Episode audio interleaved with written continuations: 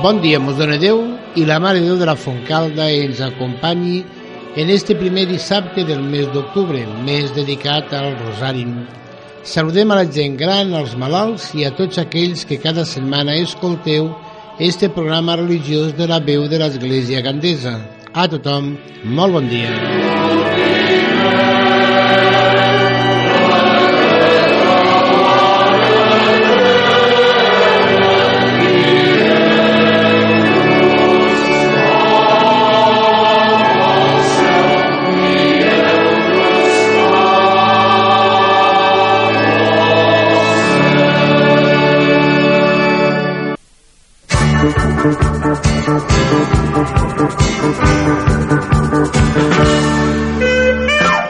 I ara anem a escoltar l'Evangeli de Sant Marc, que serà proclamat en les parròquies del nostre arxiprestat, i que diu així, alguns presentaren a Jesús uns infants perquè els imposés les mans, però els deixebles els renyaven. En veure-ho, Jesús es va indignar i els digué, deixeu que els infants vinguin a mi, no els ho impediu, perquè el regne de Déu és dels qui són com ells. En veritat us ho dic, que, ni, que no aculli el regne de Déu com aculla un infant, no hi podrà entrar pas. I els prenia en braços i els beneïa, tot imposant-lo les mans. L'episodi sembla insignificant, no obstant això, hi ha un rerefons de gran importància per als seguidors de Jesús. Segons el relat de Marc, alguns intenten d'apropar a Jesús uns nens i nenes que corren per allà, L'únic que busquen és que aquell home de Déu els pugui tocar per comunicar-los una mica de la seva força i de la seva vida. Pel que sembla, era una creença popular. Els deixebles es molestaren i miren d'impedir-lo. Pretenen aixecar, aixecar una barrera entorn de Jesús. S'atribueixen el poder de decidir qui pot arribar fins a Jesús i qui no s'interposen entre ells i els més petits, fràgils i necessitats d'aquella societat. En comptes de facilitar l'accés a Jesús, l'obstaculitzen. S'han oblidat ja del gest de Jesús que uns dies abans ha posat en el centre del grup un nen perquè aprengui bé que són els petits els que han de ser el centre d'atenció i la cura dels seus deixebles. S'han oblidat de com l'ha abraçat davant de tots, convidant-los a acollir-los en el seu nom i amb un mateix afecte. Jesús s'indigna. Aquell comportament dels seus deixebles és intolerable. Enfadat, els dona dos ordres. Deixeu que els infants vinguin a mi. No els impediu. Qui els ha ensenyat a actuar d'una manera tan contrària al seu esperit? Són precisament els petits, els febles, els indefensos, els primers que han de tenir obert l'accés a Jesús. La raó és molt profunda, obeeix als designis del Pare. El regne de Déu és dels qui són com ells. En el regne de Déu i en el grup de Jesús els que molesten no són els petits, sinó els grans i poderosos, els que volen dominar i ser els primers.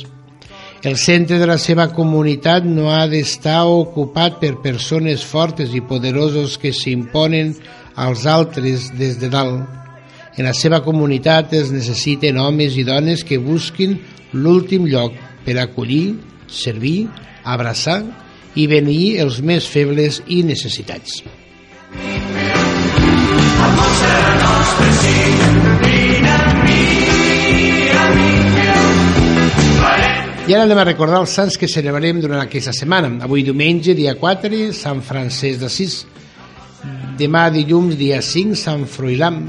Dimarts, dia 6, Sant Bru. Dimecres, dia 7, la Mare de Déu del Rosem. Dijous, dia 8, Sant Simeó el Just. Divendres, dia 9, Sant Dionís. I el dissabte, dia 10, Sant Tomàs de Villanueva.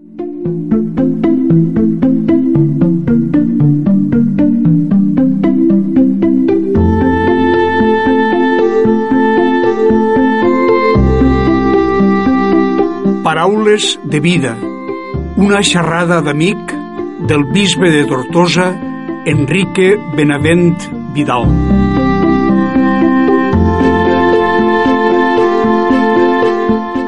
Entre els fruits de santedat que la vida consagrada ha produït en l'Església, sens dubte un dels més coneguts i admirats és Sant Francesc d'Assís. De tal manera va reflectir en la seva vida i en el seu cos el mateix Jesús, que se l'ha anomenat altre Crist. Tota la seva vida va ser un camí constant de conformació amb el Senyor pobre i crucificat. Va néixer a Assís en 1181 o 1182 al si d'una família burgesa. La seva mare va tenir molta influència a la seva educació, ja que el seu pare comerciava amb teles i viatjava molt. Francesc és un home del seu temps i comparteix les preocupacions del seu moment històric. De fet, va participar en la guerra entre Assís i la veïna Perugia i tenia les aspiracions normals dels joves del seu temps, ser cavaller i aconseguir un títol nobiliari. No obstant això, el Senyor l'havia escollit per una missió en favor de l'Església i el va dur a recórrer un camí interior que canviaria la seva vida i els seus plans. En aquest camí interior podem distingir quatre moments. En primer lloc, quan va ser fet presoner en la guerra, es troba amb si mateix. L'experiència de la presó el marca, però desitjós d'aconseguir el títol de noble, vol anar a les croades. És llavors quan senten somnis al Senyor. Francesc, què és millor? Servir al Senyor o a l'esclau? Contesta, al Senyor. I el Senyor li diu, què fas aquí? Torna a Sis i allí se't dirà el que has de fer. El segon moment del seu procés té lloc quan el seu cor s'obre al pobre que havia entrat en la tenda del seu pare a demanar almoina, i al leprós amb el qui es troba durant un passeig pel camp. Després d'una primera reacció de rebuig, dona un grapat de monedes al pobre i abraça i besa al leprós.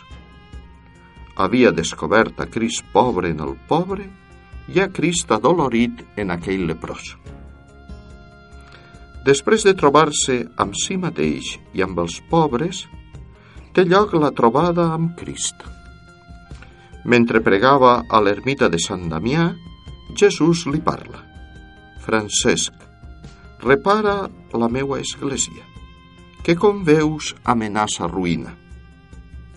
La primera reacció és reparar l'ermita de Sant Damià i altres. Uns anys més tard, s'adonarà que l'església que ha de restaurar és la de pedres vives. Aquesta trobada amb el crucificat és essencial per a Francesc, perquè el porta a una identificació amb Crist pobre i humil. El naixement de Crist en Belén, en suma pobresa i la identificació amb la passió de Crist, fins al punt de portar en el seu cos les marques de la creu, són els eixos de la espiritualitat cristològica de Francesc. Aquest camí d'encontre amb el Senyor el durà també a estimar l'Església. Francesc se sent vinculat a l'Església i vol viure en comunió amb ella. Va voler que el bisbe i el papa coneguessin i aprovessin el seu estil de vida. Però desitjava també que l'Església recuperés un rostre autènticament evangèlic. Un dia, sent predicar sobre l'enviament de Jesús als seus deixebles. Quan aneu pel món, no prengueu res per al camí, ni bastó, ni sarró, ni pa, ni diners, i no us endugueu dos vestits. I exclamarà, això és el que jo vull. Això és el que jo busco. Això és el que, en el més íntim del meu cor, anhelo posar en pràctica. I comença a viure-ho amb alegria. La seva alegria i senzillesa evangèlica van contagiar a altres. Molt aviat se li uneixen els primers companys, que per a ell són un regal del Senyor. Que el testimoniatge de Sant Francesc ens il·lumini en el nostre desig de viure l'Evangeli cada dia amb més senzillesa i autenticitat. Fins la setmana que ve.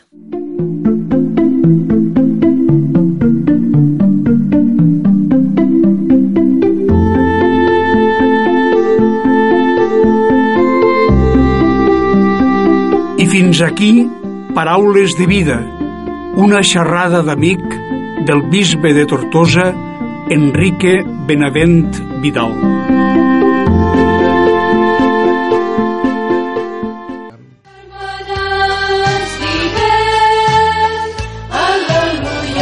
Iniciem les notícies parroquials dient que el dissabte, dia 26 de setembre, a les 10 del matí vam tindre l'enterrament del senyor Francisco Esquirol Clua, de 93 anys d'edat. El dijous, dia 1 d'octubre, l'enterrament de la senyora Antònia Juanco Martí Sicar, de 91 anys d'edat.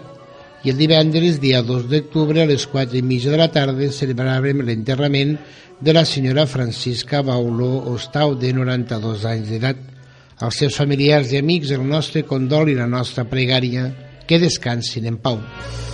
Ja no són ells que som nosaltres. Tant ahir dissabte com avui diumenge la col·lecta la destinarem per les obres parroquials, que com ja saben és la restauració i col·locació de nous vitralls.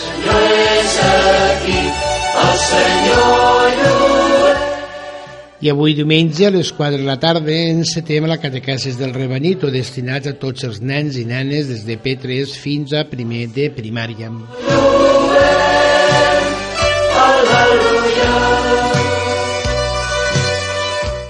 Està ja a la venda el número de loteria de Nadal de l'apostolat de l'oració.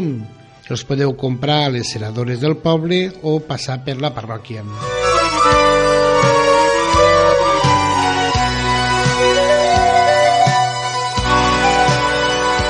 I ara us passo a informar de la romeria de la Terra Alta a Montserrat, que aquest any serà en 42a romeria, dels dies del 13 al 15 de novembre.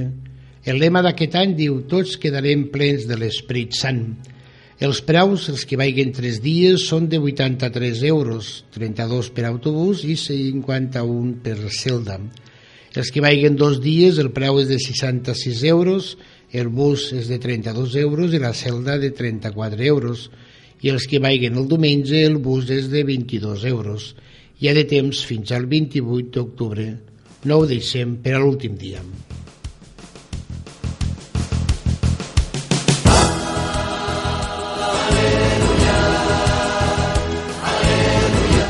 I si alguna persona té intenció de casar-se per l'Església durant l'any 2016, que parli amb el mossèn per organitzar els diàlegs prematrimonials.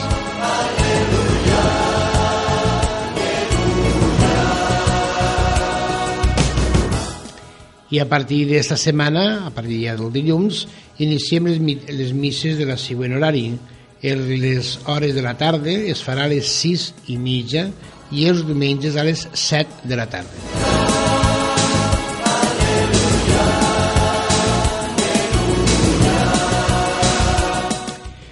I esta setmana també iniciem ja la catequesis parroquial.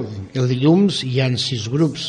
El dimecres, el dijous, el dissabte i el diumenge un grup cada dia. En total són 10 grups i 12 catequistes.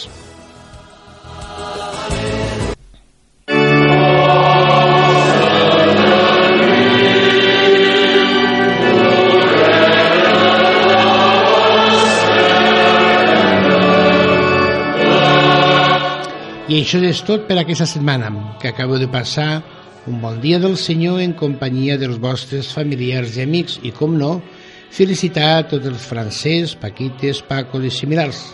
Fins la setmana vinent, se de plou.